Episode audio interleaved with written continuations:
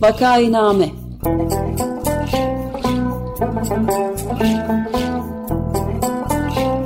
Salgın günlerinde memleket manzaraları. Hazırlayan ve sunanlar Güven Güzeldere, Ömer Matra ve Özlem Tekin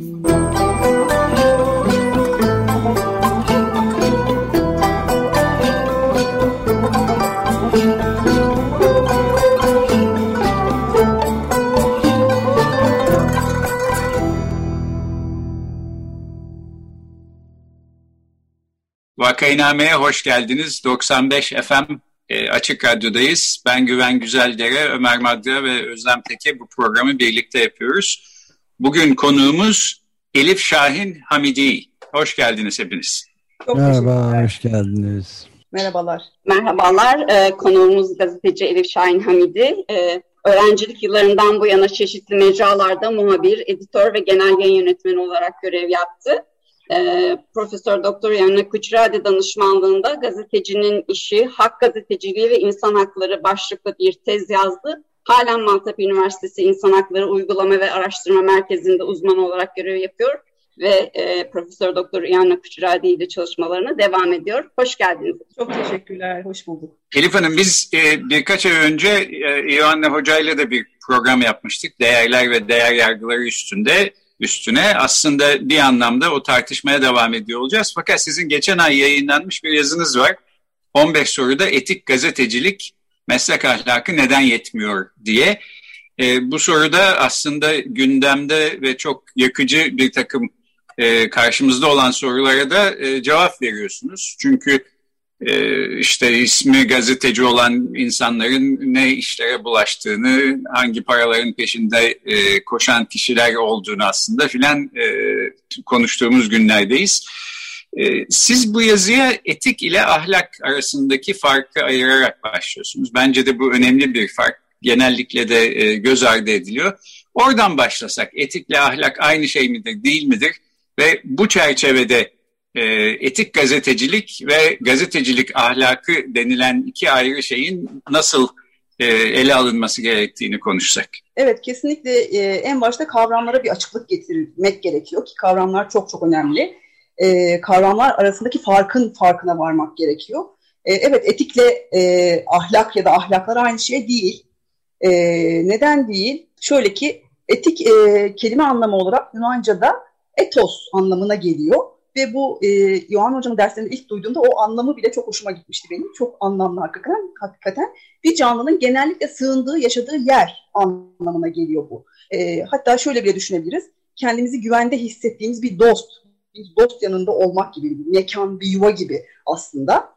E, ahlak, ahlaklar dediğimiz şey ise toplumdan topluma, kültürden kültüre değişen, göreli olan, hatta bugün başka, yarın başka olan, belli bir süre için geçerli olan e, değer yargıları ve davranış normları sistemleri aslında. Yani e, ahlaklar şu iyidir, bu kötüdür ya da şu günahtır, bu sevaptır e, gibi e, değer biçer aslında e, davranışlara ve kolaylık, kolaylıkla da davranış normlarına dönüştürülür bunlar. E, örneğin hani e, hepimizin e, kabul ettiği işte yalan söylemek kötüdür, hırsızlık yapmak kötüdür. Elbette hani bunlar ne şahane şeydir demeyiz hiçbirimiz ama e, öyle an gelir ki belki de yalan söyleyerek bu normu, bu çokça kabul gören toplumsal normu e, çiğneyerek bile bir değer korumak mümkün olabilir. Ya da işte büyüklerin eli öpülür. Evet bunun kimseye bir zararı yok. Yoksa e, bir değer harcamıyor belki ama. Ya da kadınlar yüksek sesle konuşmaz. E, işte gülmez. Geç saatte sokağa çıkmaz ki bu bağlamda e, nice kadının ne şiddete uğradığını e, hatta yaşama hakkının elinden alındığını hepimiz görüyoruz biliyoruz her gün. E, haberlerde medyada bolca görüyoruz ne yazık ki. E, dolayısıyla ahlaklar aslında kişilerin değerlendirmelerini ve yapıp etmelerini belirliyor. E, felsefenin bir alanı olarak etik ise e, ahlak ya da ahlaklılık değil. Çünkü norm koymaz e, bu ahlaklar gibi ya da e, normlar koymayı amaçlamaz bir kere. E, iyi ile kötüyle ilgilenmiyor yani etiğin böyle bir şeyle e, hiçbir alakası, ilgisi yok. E, dolayısıyla insanlara ne yapması gerektiğini söylemez etik. E, felsefenin bir alanı olarak bir bilgi alanı olarak etik değerler ve değer konusunda bilgi veriyor aslında. Ve Yuhan Hoca da evet dediğiniz gibi bir önceki programda e, bu meseleyi didiklemişti. Değerin, değerlerin, insanın değerinin ne olduğu üzerine e, konuşmaya çalışmıştı hoca. E, işte bu değer değerler bilgisi doğrultusunda eylemek ya da eylememek de kişinin kendisine kalmıştır. Yani bir kişiyi etik eylemde bulunmaya zorlayamayız. Evet bu bilgi sorunudur e, ama e, yeri gelir e, yani sen bunu hani bir dayatma gibi değildi bu diğer normlar gibi sen böyle eğleyeceksin bir kişinin kendisine kalmıştır. E, her tek durumda da ne yapması gerektiğine, nasıl eylemesi gerektiğine kişi kendisi karar verir. Oysa meslek etiklerine baktığımızda bunlar genel geçer normlardır. Evet bunlar da gereklidir ama her tek durumda bize ne yapacağımızı söyleyemez. Yani buna kişi kendisi karar vermek zorundadır yeri geldiğinde. E, o yazıda da ben e, örnek olarak vermiştim Kevin Carter örneği ya da e, Aylan Bebek çokça tartışıldı bu da medyada. İşte o normlara göre nedir? E, çocuk 18 yaşından küçük e, çocukların görsel e, görsellerine, fotoğraflarına yer vermeyiz. Niye yer vermeyiz? E, çünkü bu çocukların gelecekte e, eğitim hayatında olsun, iş hayatında olsun e, hakları ihlal edilmesin, e, başına bir iş gelmesin diye bu fotoğraflarını yayınlamıyoruz. Ama Aylan bebek fotoğrafına baktığımız zaman e, orada artık yaşamayan bir bebek söz konusu ne yazık ki. O çocuk yaşarken e, özellikle de yaşama hakkı, düşünce ifade, e, düşünce ve kanaat özgürlüğü gibi e, doğrudan korunan ve burada devletin e, yasalarıyla, e, kurumlarıyla, kuruluşlarıyla gelmesi, e, koruması gereken e, temel haklardan e, birisi yani çocuğun yaşama hakkı elinden alınmış. İşte burada e, devlete büyük rol düşüyor tabii ki. Yani bu çocuk yaşarken, hayattayken, henüz nefes alıp verirken biz ne yapmalıydık, ne yapabilirdik? Bunları düşünmek gerekiyor. O fotoğrafın yayınlanmış olması e, dolayısıyla aslında normu çiğnemiş olsa bile e, etik bir eylem. İnsanın e, değeri korunamamış artık orada yaşayan bir insan yok ama e, evet onun ardından da bir sürü sığınmacıya kapılar açıldı, göçmenlere kapılar açıldı. E, dolayısıyla işte evet bazen böyle çatışmalı, trajik durumlar insanın başına gelebiliyor. Her zaman çok kolay değil elbette e, etik eylemek ya da doğru değerlendirme yapabilerek, e, yaparak eyleyebilmek. E, ama e, bu etik bilgiyle de olmayacak bir şey değil. Ki bu e, hepimize de açık bir olanak ve hep Yohan Hoca'nın da söylediği gibi e, çok küçük yaşlardan işte hatta ailede e, başlayacak eğitime bağlı burada her şey. E, çünkü üniversite zamanında e, oturup insan hakları eğitim almak tabii ki bu da önemli ama hakikaten çocuklar anne babayı rol model alıyor. Ne alırsa orada alıyor. E, anne baba nasıl eğiliyor, nasıl davranıyor, nasıl konuşuyorsa hakikaten küçük bir e, kopyamız gibi bir şey oluyorlar e, nihayetinde. Dolayısıyla aslında orada başlıyor. E, bu bağlamda işte hocanın o değerler eğitimi e, meselesi de hep üzerinde durduğu mesele çok önemli hakikaten. Evet, ee, ben de küçük bir dipnot ekleyeyim bu etik ile ahlak e, ayrımı arasında. Şimdi literatürde ahlak psikolojisi diye bir alan da var. Psikologlar ve felsefeciler birlikte çalışıyorlar. Moral psychology diye geçiyor ama etik psikolojisi diye bir şey yok. Bu da aslında bu ikisinin ayrı olduğunu gösteriyor. Yani e, ahlak psikolojisi dediğimiz zaman bazı durumlarda niye ve nasıl davranıyoruzun araştırılması söz konusu. İşte çok ünlü deneyler var. E, yolda düşmüş ve yardıma ihtiyacı olan birisini gördünüz. Yardım eder misiniz, etmez misiniz? Şöyle bir acayip sonuç çıkıyor. Etrafta başka insanlar varsa yardım etmemeye daha meyilli oluyorsunuz. Çünkü işte belki başkaları yardım eder nasıl olsa filan gibi bir mazeret buluyorsunuz. Ya da belki rahatsızlık veriyor size başkaları yardım etmezken sizin yardım ediyor olmanız. Ama etrafta kimse yokken sizin yardım ediyor olma ihtimaliniz daha yüksek filan. Bu ahlakla alakalı bir şey.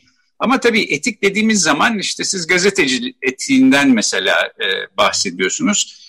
E, bu da çok önemli ve aslında o yazınızdaki e, ikinci soruda bu etik ahlak ayrımını yaptıktan sonra gazetecinin ilk işi nedir sorusunu soruyorsunuz. Bence bu da e, yine çok e, gündemde ve can yakan bir soru olduğu için e, ben buradan devam edelim e, istiyorum. Hı hı. Gazetecinin ilk işi nedir sahiden? Ben e, buna bir de ufak şey ilave edebilir miyim? E, yani demin e, yalan söyleme genel olarak tabii e, değer dışı yani etik açıdan da kınama, kınanması gereken bir şey ama bazı durumlarda da yalan söylemek e, gerekli ve doğru o, e, hakikate ulaşmak açısından doğru olur demiştiniz. Buna da bir örnek de verebilirsek iyi olur yani. Ee, ya bunun hakikaten en güzel, en açık örneği e, Jean Valjean yine o yazıda da onu vermiştim. E, ki e, orada bir rahip ki Katoliklikte hani yalan, işte insan öldürmek, hırsızlık en büyük günahlardan bir ki genelde sanırım diğer semavi dinlerde de bu böyle. İşte on emir vesaire gibi. E, e, Jean Valjean rahibin e, gümüş şamdanlarını, şamdanlarını çalıp e, kaçıyor ve e, polis e, Javier müfettiş, polis müfettişi Javier hep sürekli peşinde zaten ve rahip onları ben verdim diyor. E, Can Valjean'ı korumak adına. Hatta unutmuşsun diye bir tane daha veriyor. Şunu da unutmuşsun diye. E, yani düşünebiliyor musunuz? Bir Katolik bir rahip, bir din adamı, din insanı e, yalan söylüyor ve sonra e, Jean Valjean ne yapıyor, ne oluyor?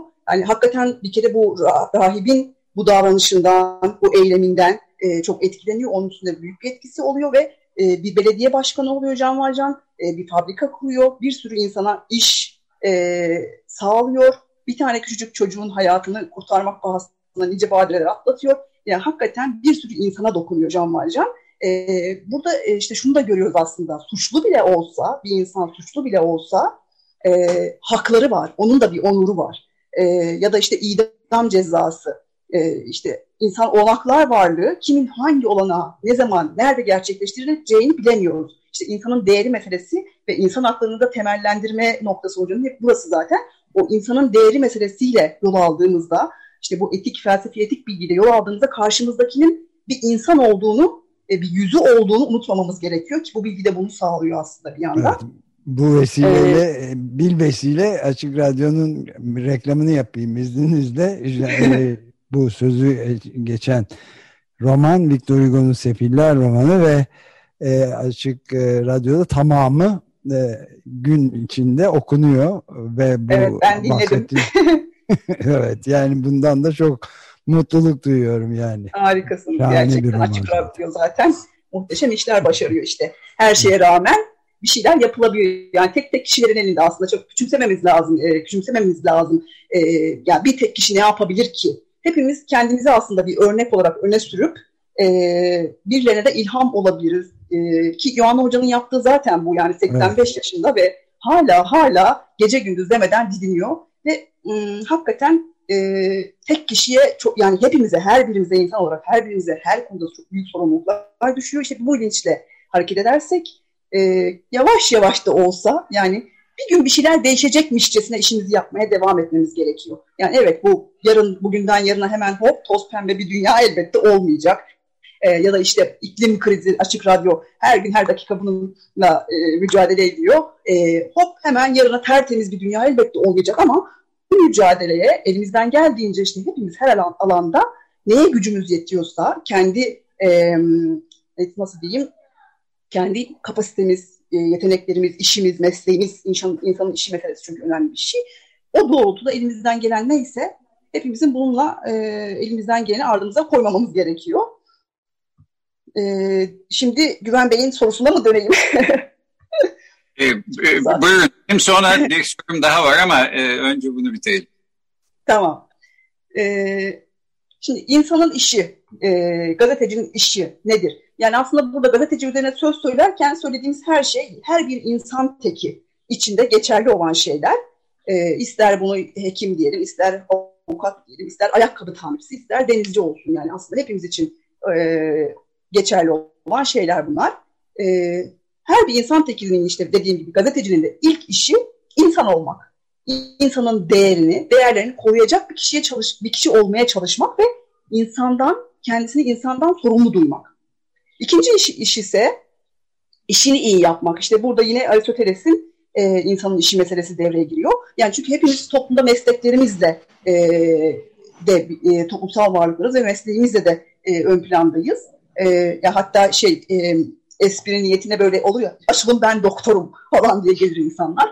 E, yani bir gazetecinin işin amacına ve işlerine uygun yapabilmesinin yolu her şeyden önce bir kere en önce insan olmayı başarmasından geçer. Dolayısıyla gazetecinin insanlaşmasında ve özenle yetiştirilmesinde felsefe etik eğitimi yani felsefi etik bilgi, değer bilgisi, doğru değerlendirme bilgisi ve insan hakları e, bilgisi önemli bir rol oynuyor. E, peki o zaman insanlaşma denilen şey ne? Bu, bunu biraz diklemek gerekiyor. E, insanın neliği üzerine kafa yormak, insanın işi üzerine de enine boyuna düşünmemiz gerekiyor. Çünkü e, demin de dediğim gibi ister gazetecilik olsun, ister doktorluk, ister avukatlık, ister taksi şoförü, ister gemici yani bütün meslekler ne olursa olsun, hangi meslek olursa olsun sorunların temelinde bu meslekleri insan e, kendine iş edinmiş insanlar var. Dönüp dolaşıp aslında her şeyin temelinde insan var. Yani hatta bu sorunları e, yaratan insan olduğu gibi bu sorunlara çözüm bulacak olan da insan elbette. E, ve bunlar e, karşılaşılan sorunlar da etik sorunlar. Yani e, sırf normlara ilişkin, normlarla ilgili sorunlar değil. Yani meslek etikleri vesaire çok güzel, şahane belgeler var. Harika e, normlar var oralarda ama e, maalesef sadece bunlarla çözülebilecek sorunlar değil. E, Aristoteles'in dediği gibi insanın işiyle ilgili sorunlar. Peki, evet, bu... Ha, pardon, buyurun, tamam. e, ve şimdi burada aslında şöyle de bir şey düşünülebilir. Bazen e, böyle tepkiler de alınıyor hakikaten e, yani siz o zaman hani türcülük mü yapıyorsunuz bu insanın değeri meselesi? E, yani insan o kadar da hani bunca kötülüğü yapan insan, e, kendi türünü öldüren, katleden, hayvanlara işkence yapan, doğayı katleden insan o zaman burada bir türcülük mü var gibi e, de sorulabiliyor. E, ancak e, hakikaten insanın değerinin ne olduğunu anladığımızda bunun böyle olmadığını çok net görebiliyoruz. E, demin de dediğim gibi yani doğaya doğayı katleden kim? insan. E, hayvana eziyet eden kim? İnsan. Ço- çoluğuna, çocuğuna, kadına eziyet eden kim? İnsan. E, dolayısıyla hakikaten bu bir eğitim, bir bilgi işi ve bütün bunlara çözüm getirecek olan da insan. E, yani e, insan hakları var çünkü haklar insana bir sorumluluk dayatıyor. Ama işte hayvan hakları diye bir şey hoca e, hatta hayvan hakları diye bir şey olamaz der. Çünkü e, insan hakları muamele görme ve muamele etme ilkeleri. Ama hay, e, ve dediğim ya sorumluluk dayatıyor insana. Ama hayvan hakları, hayvana bir sorumluluk dayatamayız. Yani e, hayvana insanca, insana yakışır şekilde muamele edecek olan da biz insanlarız. E, ama hayvan, Aa, ben şimdi bu köpek arkadaşıma e, önünden kemiğini almayayım diyemez. Yani çünkü sırf doğa tarafından belirlenmiştir. Ama insan böyle değil. İnsan kendini belirleyen bir varlık. Kendini e, bir heykeltıraş gibi yontup o içindeki insanı bulmak, e, ortaya çıkartmak zorundadır. E, işte bu da yine özgürlük meselesiyle falan da ilişkili ama çok vaktimiz yok. E, tamam yani bu konuda cevap. gayet iyi oldu. Teşekkürler. Haklar meselesi insanların ötesindeki başka canlılara da uzanabilir mi konusunu açık bilinçte de bir parça tartıştık önceki haftalarda. Ee, İvanna Hoca da buna benzer, sizin söylediğinize benzer bir şey söylemişti. Ben o konuda e, kendisiyle hemfikir değilim ama bu konuyu şu anda tartışmamız bence gerekmiyor. Ben sizin e, yazınıza geri döneyim. Buyurun. Mesela e, Albert Camus'un Veba romanına e, referans veriyorsunuz. Hı hı. Bunu geçen sene işte Ömer Bey baştan sona okudu, dinledik. E, hı hı. Yeniden oradaki kahraman işte veba ile mücadele eden doktor diyor ki dürüstlük benim için işimi iyi yapmaktır. Hı hı. E, e, bence de çok aslında yani romanın en çarpıcı noktası orası. E, şimdi burada böyle bir e, kişisel bir durum var. Yani e, kişisel bir pozisyon almamız, ilkeli bir şekilde ne yapacağımıza karar vermemiz gerekiyor filan. Bunların hepsine e, katılıyorum. Bunun ötesinde ama tabii yapısal pro problemler de var. Yani Şimdi bu mesela e, bir e, işte dolandırıcı bir iş adamına sen bana 10 milyon avro ver ben de yargıda senin işini halledeyim diyen kişi elbette gazetecilik etiğine e, etiğiyle e, uyumlu bir şeyler yapmıyor ama büyük ihtimalle gazetecilik yapmak gibi bir derdi zaten yoktu. Yani orada olmasının nedeni başka. E, e, bunun da aslında e, yapısal bir nedeni olduğunu görmek çok kolay. Yani o adamın çalıştığı gazetenin sahibi de mesela gazetecilik yapayım diye o gazetenin e, sahibi değil e, politik siyasi bir e, etki sağlamak için e, almış durumda. E, bütün büyük aslında medya kuruluşlarının sahipleri de bu sebeplerle hareket ediyorlar. Dolayısıyla onların e, iş e, onların işlerinde çalışan kişilerin e, yani böyle insanların işveren olduğu bir sektörde zaten e, nasıl ahlaklı bir duruş beklemek e, mümkün olur e, onu da bilmiyorum. Yani bu açıdan da mesela Açık Radyo'nun e, bağımsız bir e, kurum olmasını, dinleyici desteğiyle ayakta durmasını falan çok önemsiyorum. Yani bu 10 milyon avro e, pazarlığı yapan türde bir adam gelse Ömer Bey onu iş, almazdı işe ya da neyse Açık Radyo'da program yapsın istemezdi. E, ve bana öyle geliyor ki bu yapısal sorunu çözemediğimiz müddetçe ya işte böyle istisnai insanlardan kahramanlıklar beklemek zorunda kalacağız ya da bu tür ahlaksız e, işte dalavereci e, insanların e, insanlarla karşılaşmaya devam edeceğiz gibi geliyor. Kötüm, kötümser bir sonuç mu oldu? E, ne dersiniz? e, işte aslında insanın neliği üzerine düşündüğümüzde bunların da e, yani dönüp dolaşıp aslında e, dediniz ya işte orada işin içine çıkarlar giriyor. E, bu bahsettiğiniz türde gazeteciler. E, yani hayattaki varlık amacımız, ben niçin yaşıyorum sorusuna verdiğimiz cevapta aslında birçok şey gizli. E, benim amacım ne? E, amaç değerler, araç değerler. Evet para, e, pul, şan, şöhret için yaşayan, yaşayan bir insansak eğer, işte ne bileyim daha çok para kazanmak için ne bileyim mafya olurum mesela. E, ama e, amaç değerlerimiz, ya tamam araç değerler de evet yaşamak için para ama bu onu hayatının amaç değeri haline getirdiğinde işler başka bir boyuta varıyor. Başka bir insana dönüşmek zorunda kalıyorsun. E, ama amaç değerlerle e, eyleyen bir insan işte nedir? Adil olmak, cesur olmak, e, e, sevgi, saygı, güven vesaire. Hani bunlarla hareket eden bir insan içinse başka bir yaşam belirliyor kendine. Ve dolayısıyla hani insan e, istemesinde özgür bir varlık Kant'ın deyişiyle. E, yani başka türlü bir eyleme olanağına da her zaman sahibiz. Yani e, dedim ya kendi kendini belirleyen bir varlık insan.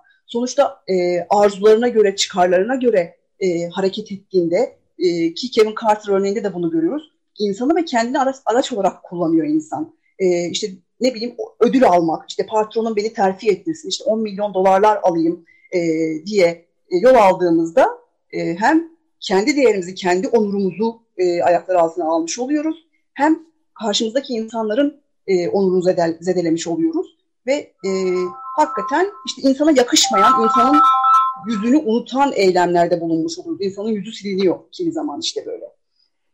Kevin ee, yine e, evet bu etik kişi olmak da bir olanak aslında. Yani kimse doğuştan ah bu etik kişi. E, işte bu da böyle lanet arsız hırsız bir insan değil yani işte. Dönüp dolaşıp hep her şey eğitime gidiyor işte. Ama bu eğitim nasıl bir eğitim olmalı sorusu bir kere en önemli bir soru. O da ayrıca e, derin bir mevzu Evet. Böyle. Evet.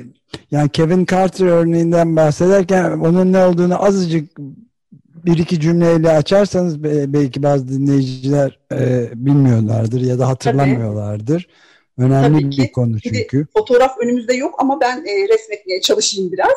E, yani sesli bir mecradayız sonuçta televizyonda değiliz. E, şöyle ki bu Kevin Carter'ın e, Sudan'da çektiği bir fotoğraf.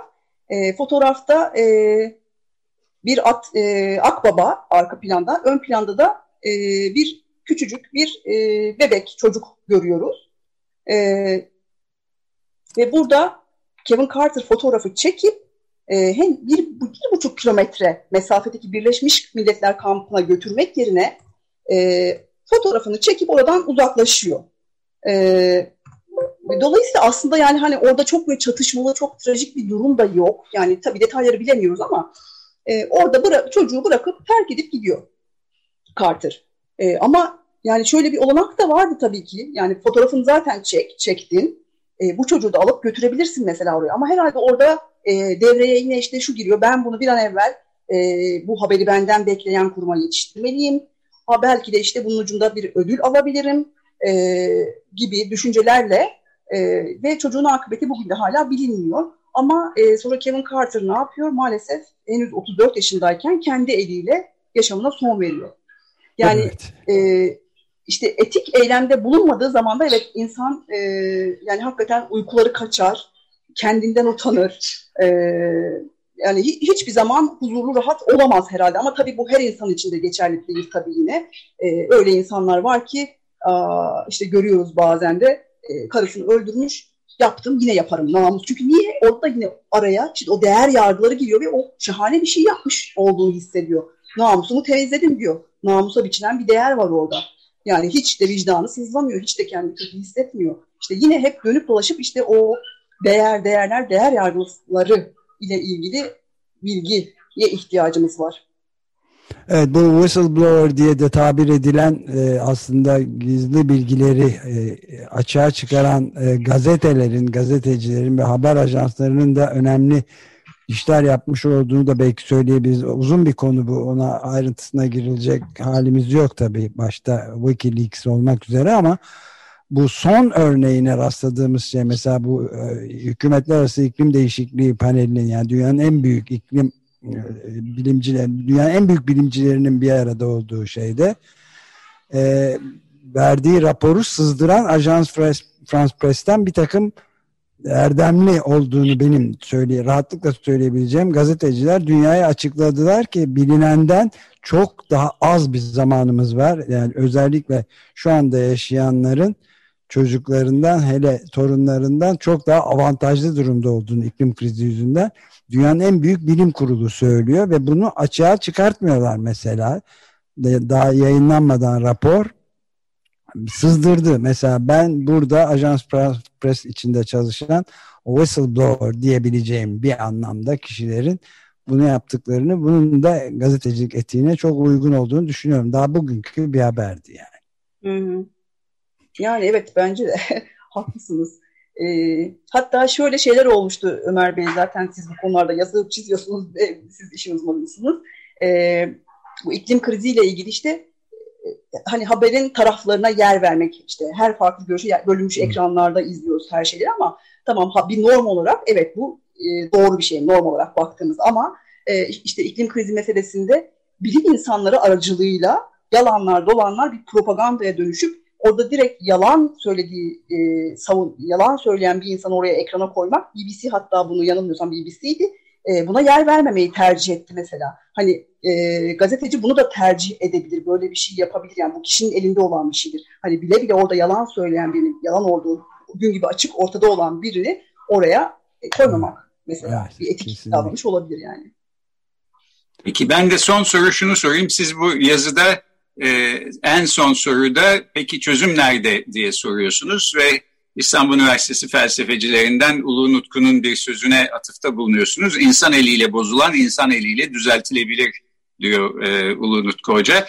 Ben de katılıyorum. Siz de şöyle eklemişsiniz. Yani umut yine de insandadır e, diyorsunuz. Bu bu programı da kapatmak için doğru bir e, yer mi? Bence kesinlikle öyle. Bence. ee, yani hakikaten dönüp dolaşıp tek tek kişilere, insana çok iş düşüyor. Hepimiz olup biten her şeyden sorumluyuz. Diyemeyiz ki işte Avustralya'da yanan organ, e, ormanlardan bana ne?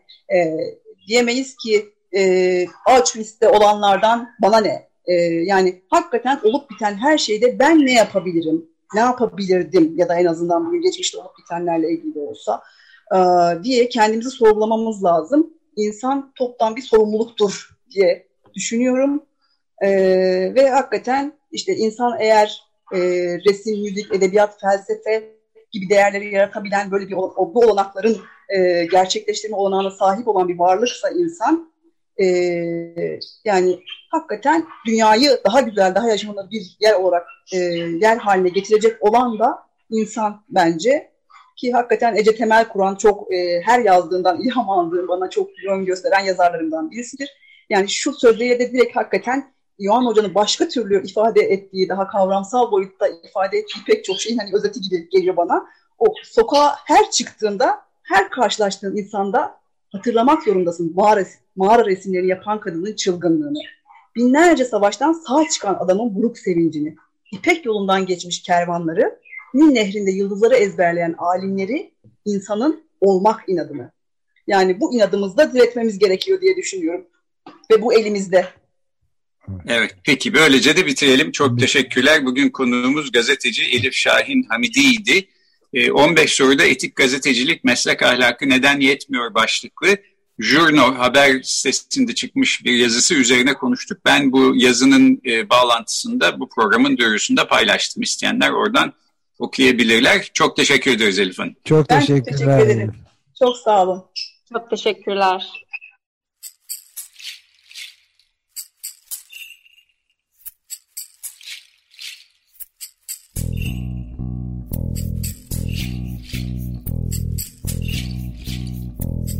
Vakainame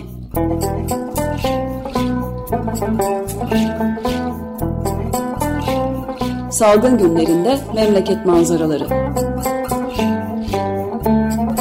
Hazırlayan ve sunanlar Güven Güzeldere, Ömer Matra ve Özlem Teki.